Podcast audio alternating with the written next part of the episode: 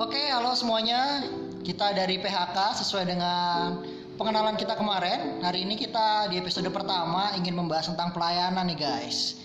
Nah, kita mau bahas tentang pelayanan apa nih kira-kira nih? Eh, kayaknya langsung ke judul besarnya yaitu pelayanan kok ngiket.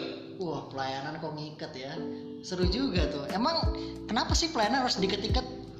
Nah, sebelum Tunggu, emang pertanyaannya pelayanan ngikat itu apa sih? Apaan yang diikat? Ah, di awalnya dulu dong kalau nggak kita bahas pelayanan itu apa sih emang sebenarnya? kalau gue sih mendefinisiin pelayanan tuh ya karena kita orang Kristen ya itu kayak rutinitas bukan bukan rutinitas kewajiban tanggung jawab ya bisa dapet Jadi pelayanan tuh hanya tanggung jawab aja. ya, kalau lo kalau lo definisiin pelayanan gimana Semua orang Kristen harus pelayanan dong, gitu ya? Kalau menurut gue sih nggak harus orang Kristen yang terpanggil aja kalau untuk mimbar gerejanya ya Oke. Kalau menurut gua pelayanan itu bukti kasih kita kepada Tuhan kita. jadi lewat pelayanan gitu Lewat pelayanan. Karena kita nggak bisa, karena kita nggak bisa menggantikan apa pun yang udah dia berikan sama kita. Menurut gue sih itu. Ya jenis-jenis pelayanan sih macam-macam ya. Nggak harus pendeta, nggak harus singer, nggak harus usher. Bahkan ketika kita nyusun-nyusun bangku, itu udah pelayanan. pengalaman ya Ya kita udah lumayan lama bergerak di bidang poster ya. itu itu lo apa sih apa kayak tim tim kondangan gitu yang buat nyusun bangku gitu Ya nggak juga sih. Lu jadi pelayanan apa babu bro? Ya sebetulnya itu pelayanan karena upahnya sih sama aja ya. Mau kita pelayanan di atas mimbar ya kita khotbah atau kita nyusun bangku sama aja sih upahnya. Cuma bedanya ya kalau pelayanan di atas mimbar dilihat orang, kita nyusun bangku nggak dilihat orang. Gue nggak setuju kalau lu ngomongin upah. Kenapa upah dari orang-orang yang nyanyi di mimbar tuh lebih gede dibanding orang-orang yang di balik layar? Upahnya beda dong bro, apalagi nyusun bangku. Nggak dapet upah itu. Ngomongnya cuma upah di surga. Kenapa yang di mimbar malah dapet upah, yang di bawah enggak? Karena gini bro, ya kalian itu dapat duit dari orang-orang yang di mimbar, gitu loh. Mereka yang memberikan sesuatu. Kalau mereka nggak menampilkan sesuatu, ya kalian nggak dapat duit. Padahal kalau menurut gua nih ya, kalau lu bilang orang-orang yang di mimbar yang menampilkan sesuatu, tanpa orang-orang yang ngusuk yang ngurusin sound, tanpa orang-orang yang berusaha nampilin media, itu mana bisa mereka berjalan dengan baik. Lu mau teriak-teriakan tanpa ada yang nyeting-nyeting sound. ya kan, jemaat nggak mau tahu itu. Jemaat hanya ngelihat orang yang di mimbar, orang yang tampil. Jemaat nggak ngelihat orang-orang di belakang layar. Menurut mereka ya itu udah tersistem memang seharusnya seperti itu bagus karena kalau orang di depan layar itu di atas panggung mereka yang jelek, nah itu baru penilaian jemaat. Oh ya udah deh kasih persembahannya dikit aja. Oke. Nah, kalau menurut gua sendiri ya, kan tadi yang bagian bagus-bagusnya, bagian manis-manisnya itu udah dijelasin sama Lingga ya. Nah, kalau menurut gua tuh pelayanan itu apa ya? Kita tuh disusahin orang lah. Karena ya gimana dong? Secara, secara teori kan seperti kita bilangnya pelayanan. Berarti kita melayani orang lain. Artinya kita mau menyusahkan diri kita untuk memberikan yang terbaik buat orang lain gitu loh. Sedangkan kalau beda, kalau seandainya kita bos, kalau bos kan kita enak-enak dong. Tapi kalau namanya pelayanan berarti kita mau disusahin lah untuk melayani orang lain. Itu sih kalau menurut gua. Jadi pelayanan itu untuk ke manusia ya. Loh, salah satu sih salah satunya itu kan bisa ke sebagai respect kita atau respon kita ke Tuhan, tapi kita juga menggunakan itu untuk ke sesama kita sebagai wujudnya. Oh begitu. kalau gue sih definisi pelayanan ya sama kayak lo sebenarnya itu kayak wujud tertinggi apa ya kita dalam menunjukkan ekspresi kasih kita ke Tuhan awal-awal sih ya awal-awal sih asik pelayanan ya biasanya tonton pertama betul gak sih Kalau lagi berapi-api. kok tonton pertama lo lo ngerasain gak sih kita kayaknya bener-bener kayak malaikat gitu Ayo kita pelayanan. Ayo kita pelay- Jadi wah apa makan nasi kucing, nasi akik juga. Ayo sok-sok ke pelayanan. Ngangkatin kabel semua, ngangkatin pendeta, ngangkatin semua lah. kita jadi kayak wah gitu. Tapi beriring jalannya beriring waktu ya kayak ngerasa kita kena konflik terus bukan kena ya apa menghadapi konflik Pasti lah. ya kan coy terus ketemu banyak orang yang karakternya berbeda beragam terus ternyata wah dunia pelayanan dalam hal ini gereja gak sesuai ekspektasi. Nah so kita masuk ke pembahasan kita soal pelayanan. Kok ngikat? Artinya pelayanan kita dalam sebuah organisasi eh, gereja komunitas kah komsel kah atau apa pun yang kita sering banget dengar ya dari anak-anak muda dan beberapa orang yang mungkin uh, advice yang kita kenal juga beberapa bilang kok kok kayak terikat ya? Itu pelayanan apa kayak apa bahasa gue cuy Eh, ini dinas dinas dinas. kayak pe- per- pekerjaan dinas tuh ikatan dinas gitu cuy. Nah kalau dari lo pribadi lo pernah nggak sih cuy uh, ngalamin atau lo atau teman lo gitu yang dia pelayanan dalam sebuah komunitas organisasi gereja tuh kayak terikat banget? Gimana cuy?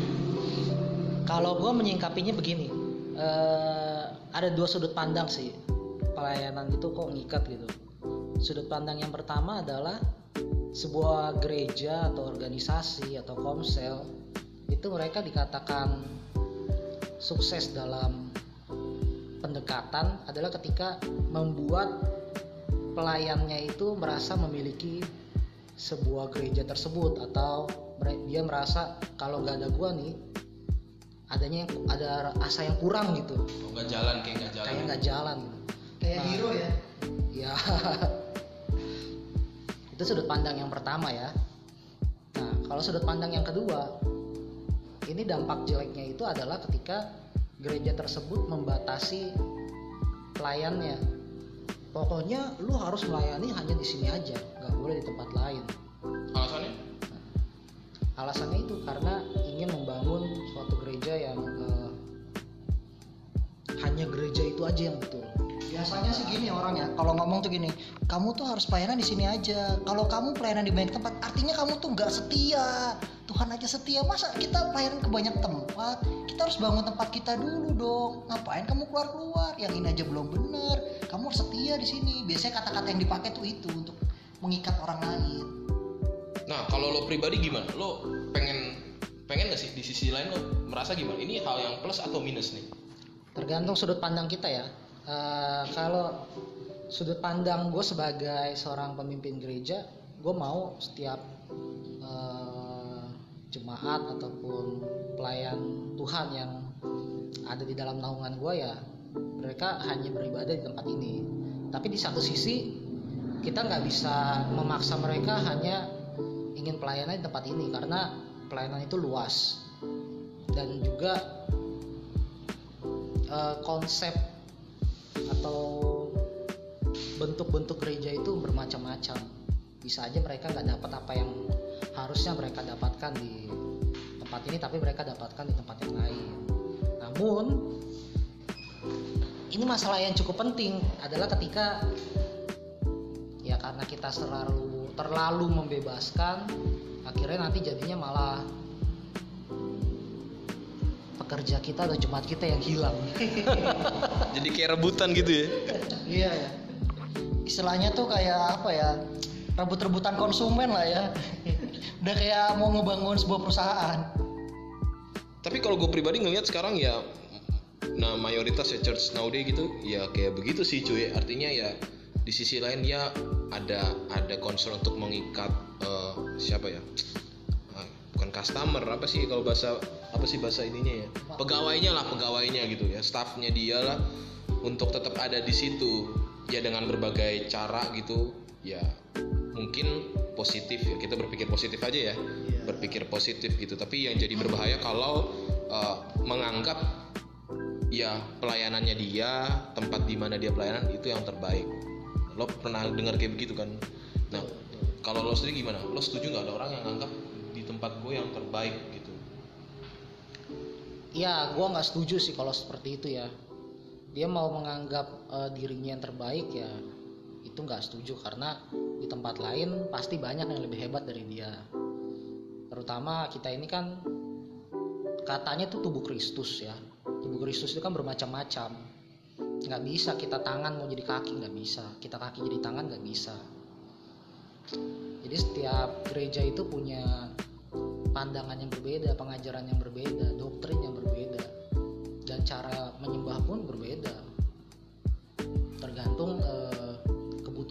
sampai di mana. Karena itu dia pentingnya sebuah gereja itu mengikat tapi tidak mewajibkan. Gimana ya bahasanya ya? Iya iya iya. Dia eh, sebuah gereja itu harus bisa mengikat tapi nggak mewajibkan. Em, membangun atau membentuk umatnya pengerjanya itu memiliki kerinduan akan gereja tersebut. Mungkin gini kali. Jadi Uh, mungkin gini kali kalau gue coba menangkap atau membahasakannya ya. Jadi gereja itu seolah-olah tuh takut kehilangan entah jemaatnya entah pengerjanya entah kalau mungkin kalau dalam bahasa entertainmentnya tuh talentnya dia untuk ngebangun gereja itu. Karena mereka tuh basicnya tuh takut kehilangan orang-orang tersebut. Kalau seandainya orang tersebut main ke tempat lain. Padahal kalau seandainya mereka tertanam bukan diikat mereka kalaupun mereka pergi ke mana pun ketika mereka sudah tertanam mereka tuh ada apa ya rasa memiliki Nah dari rasa memiliki itu akhirnya ya kita nggak perlu takut kehilangan mereka karena mereka memiliki tempat ini gitu loh. Justru akan jadi pertanyaan ketika kita mau mengikat orang itu sebenarnya kita mau apa sih sebenarnya? Mereka tuh mau apa? Untuk apa? Mereka untuk kita ikat lebih baik kita membuat mereka tuh memiliki rasa tempat ini. Betul. sehingga mereka ya nggak perlu pakai diikat-ikat nggak perlu pakai dipantau lah segala macam. Kalau ada yang pelayanan di tempat lain ada yang gereja tempat lain dilaporin lah dikasih SP lah. Kalau seandainya mereka memang tertanam di sini mereka memiliki rasa memiliki rasa memiliki di tempat ini mereka nggak akan kabur kok. Mereka akan tetap kembali ke rumah mereka. Itu sih kalau menurut gua. Artinya ngebangun rumah ya ngebangun Betul, rumah iya. rumah gitu. Artinya ya sekalipun orang pergi dia ya just to fun doang artinya untuk main terus dia balik lagi ke rumah Betul. karena dia udah nyaman dengan rumahnya ya Kayak- liburan lah hitungannya iya, lah. home, Iya, home, ya. liburan lah. takutnya gereja jadi home credit gitu ya ada kan bosan juga yang matel ya lu lagi lu lagi lu lagi ketemu lu kan lagi kita lu lagi mending juga di seberang bro gue pribadi uh, nemu banyak pengalaman gitu beberapa case gitu ya yang pelayanan yang kayak mengikat dalam tanda petik ya secara role gereja atau role organisasi it's fine ya. Kayak produk misalnya kan kayak kita beli apa nih minuman gitu di Indo April kan pasti ke Al- atau ke Alpha April gitu kan. Ya mereka kayak merasa ini juga lah. Ya kalau soal branding dan organisasi gue setuju. Tapi yang jadi masalah adalah kalau misalnya uh, ya kan kita nggak tiap hari juga pelayanan. Misalnya kita pelayanan di hari Minggu atau di Senin sampai Jumat kita ada uh, orang yang mengundang kita aktivitas lain untuk bergabung sebuah bukan bergabung melayani di sebuah komunitas atau gereja atau apa pun. Ya berbagi di tempat lain lah. Betul. Menurut gue sih fine ya. Kalau gue fine kayak gitu. Betul. karena nggak kita nggak ngerusak uh, jadwal di rumah kita sendiri gitu. Betul. kecuali kalau kita uh, memang jadwalnya bentrok dan kita memilih tempat lain gitu. Biasanya bisa sih kita milih tempat lain. Bayarannya lebih gede bro. Lumayan ya buat hari tua buat anak buat jajan. Jangan diceritain. Itu tapi betul juga sih mayoritas kayak gitu juga. Nah kalau lu ada nggak pengalaman pribadi cuy? Lo ngerasa dulu nih lo di di di mana gitu misalnya? Lo kayak terikat cuy. Ada. Gimana tuh? Eh gue nggak sebut nama gerejanya Nggak tapi di gereja gue yang sebelumnya gue merasa tapi ini bukan dari gerejanya ya yang Oknum berarti ya? mengajarkan ini hanya oknum-oknum beberapa orang. Nah karena ada beberapa orang tersebut akhirnya memiliki eh, kita sebagai eh, rekan pelayanan gitu ya. Itu membuat kita dari Senin sampai Sabtu hari yang paling kita tunggu-tunggu itu adalah hari Minggu. Kenapa? Karena ingin melayani bersama ingin ketemu bersama ngobrol bersama sharing jadi tergantung pribadi kita masing-masing. Bagaimana kita bisa membangun suatu tempat itu menjadi sebuah rumah. Karena kalau kita udah membangun satu tempat itu menjadi sebuah rumah ya kita nggak perlu ngajak-ngajak lagi. Orang itu sendiri yang punya kerinduan buat datang. Datang. Bahkan kalaupun dia kayak yang tadi dibilang mau terima pengajaran dari tempat lain ya itu bagus bisa membantu membangun gereja dia tempat bertumbuh dia. Karena dari luar pun ya itu namanya ilmu ya ilmu. ATM lah ya istilahnya amati tiru dan modifikasi. Kayak kita melihat tempat lain kayaknya wah ternyata hal-hal atau metode seperti ini bagus nih. Mungkin bisa kali ditempatin di kita coba di rumah gua supaya orang-orang sana juga bisa lebih efektif kita di sininya gitu kali ya Lig ya? Ya kurang lebih seperti itu hanya waktu di gereja yang sebelumnya juga ada beberapa pandangan ya. Gue kurang setuju kalau kita nggak boleh melayani tempat lain kita nggak boleh gereja di tempat lain. Karena ada itu diajarin seperti itu. Dan bahkan oleh pengerja-pengerja yang lebih tua yang lebih senior.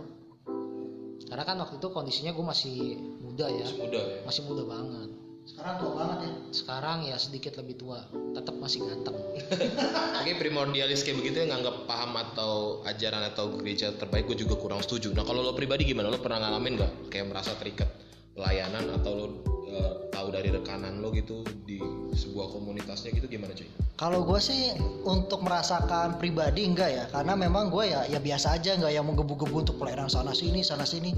Cuman yang agak ironi yang pernah gue temuin tuh dari teman-teman teman-teman gue tuh gini loh, Eh, mereka itu dilarang untuk pelayanan, untuk berbagi, sharing. Event itu bukan di sebuah gereja, kayak di sebuah persekutuan doa mungkin atau sebuah sebuah komsel, mereka dilarang untuk berbagi ke sana. Padahal pemimpin-pemimpin mereka tuh kenapa malah pemimpinnya boleh untuk main ke tempat yang lain segala macam. Tapi pemimpinnya itu malah melarang orang-orang yang di bawahnya tuh untuk pergi ke tempat yang lain. Kayaknya ironi gak sih? Duitnya kenceng kali.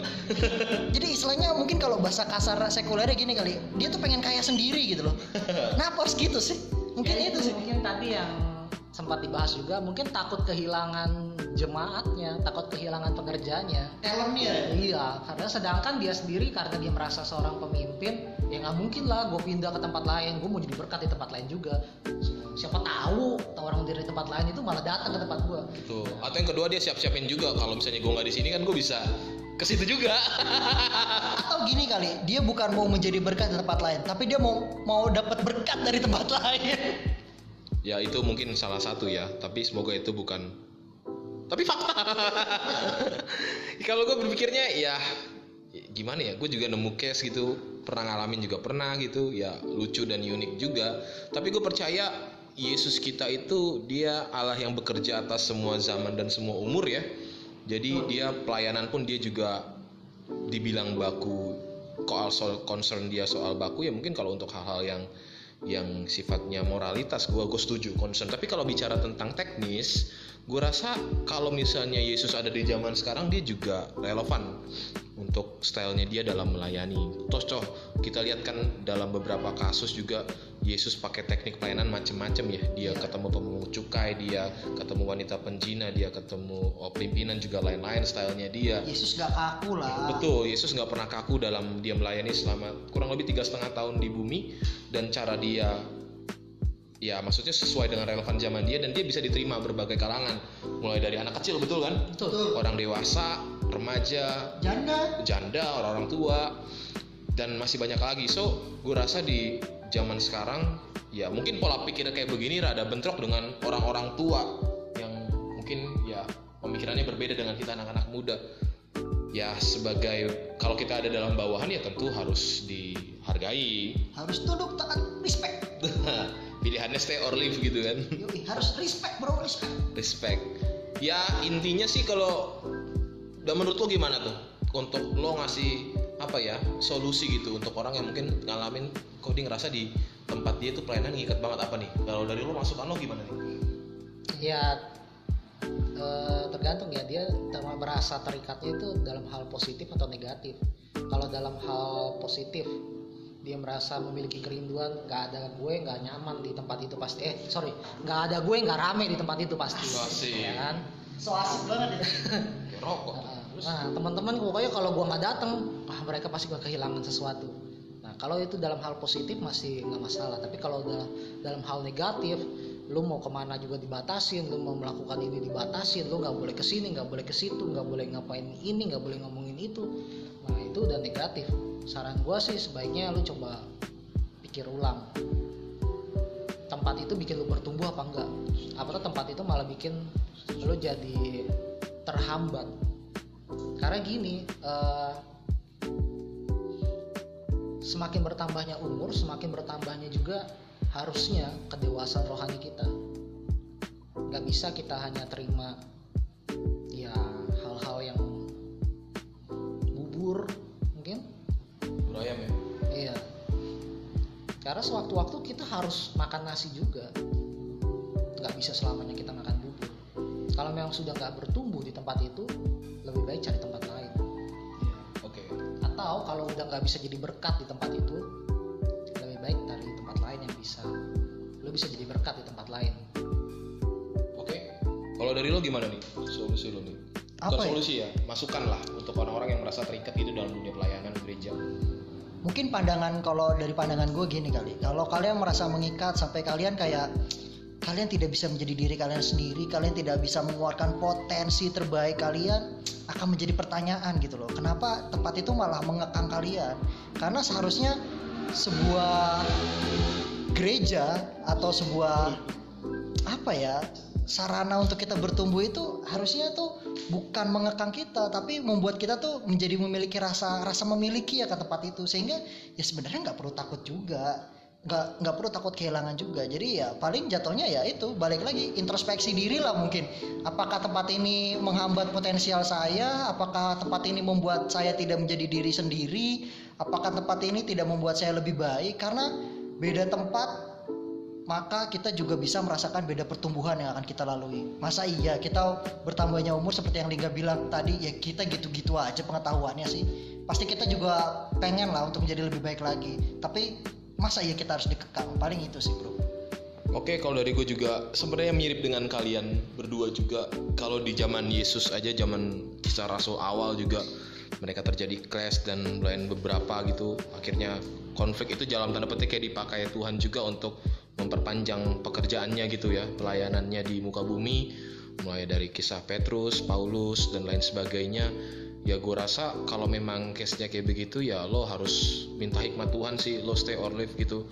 Ya karena ya Tuhan itu Allah yang kaya dia nggak mungkin nempatin lo asal-asalan dia intinya kalaupun lo pergi dari eh, tempat yang mungkin ngikat lo bukan Oh, berarti lo berdosa ya? betul ya mungkin udah waktunya lo ganti seragam akan hal itu intinya sebuah perpindahan di organisasi termasuk Kristen itu hal yang lumrah menurut gua Itu bukan suatu hal yang salah. betul kecuali lo ya making scene gitu emang yang Lu pindah karena kasus lah. Nah itu lain. Tapi kalau lo memang perbedaan perspektif atau lo merasa terikat dan lain sebagainya ya nggak masalah. Kadang uh, case-case kayak begitu ya untuk lo pindah ke tempat yang baru bukan sebuah aib ya, Iya betul. bukan sebuah aib gitu.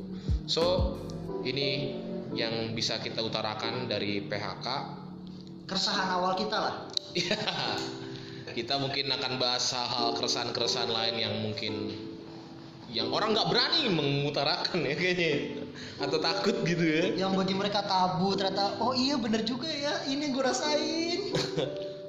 ya buat teman-teman yang ada di luar sana yang mungkin gak sengaja denger podcast ini ya nanti kita akan upload di Spotify Spotify di Anchor. Instagram Anchor nah di Instagram kalian coba DM kami aja kira-kira ada keresahan apa sih yang mau kalian buat kita bahas gitu Saran kritik juga boleh. Kita tenang, kita tidak anti kritik lah. Kita suka banget dikritik. kita suka dikritik karena kita memang pengkritik juga sih so this is our podcast humor Kristen PHK di episode pelayanan kok Nikah.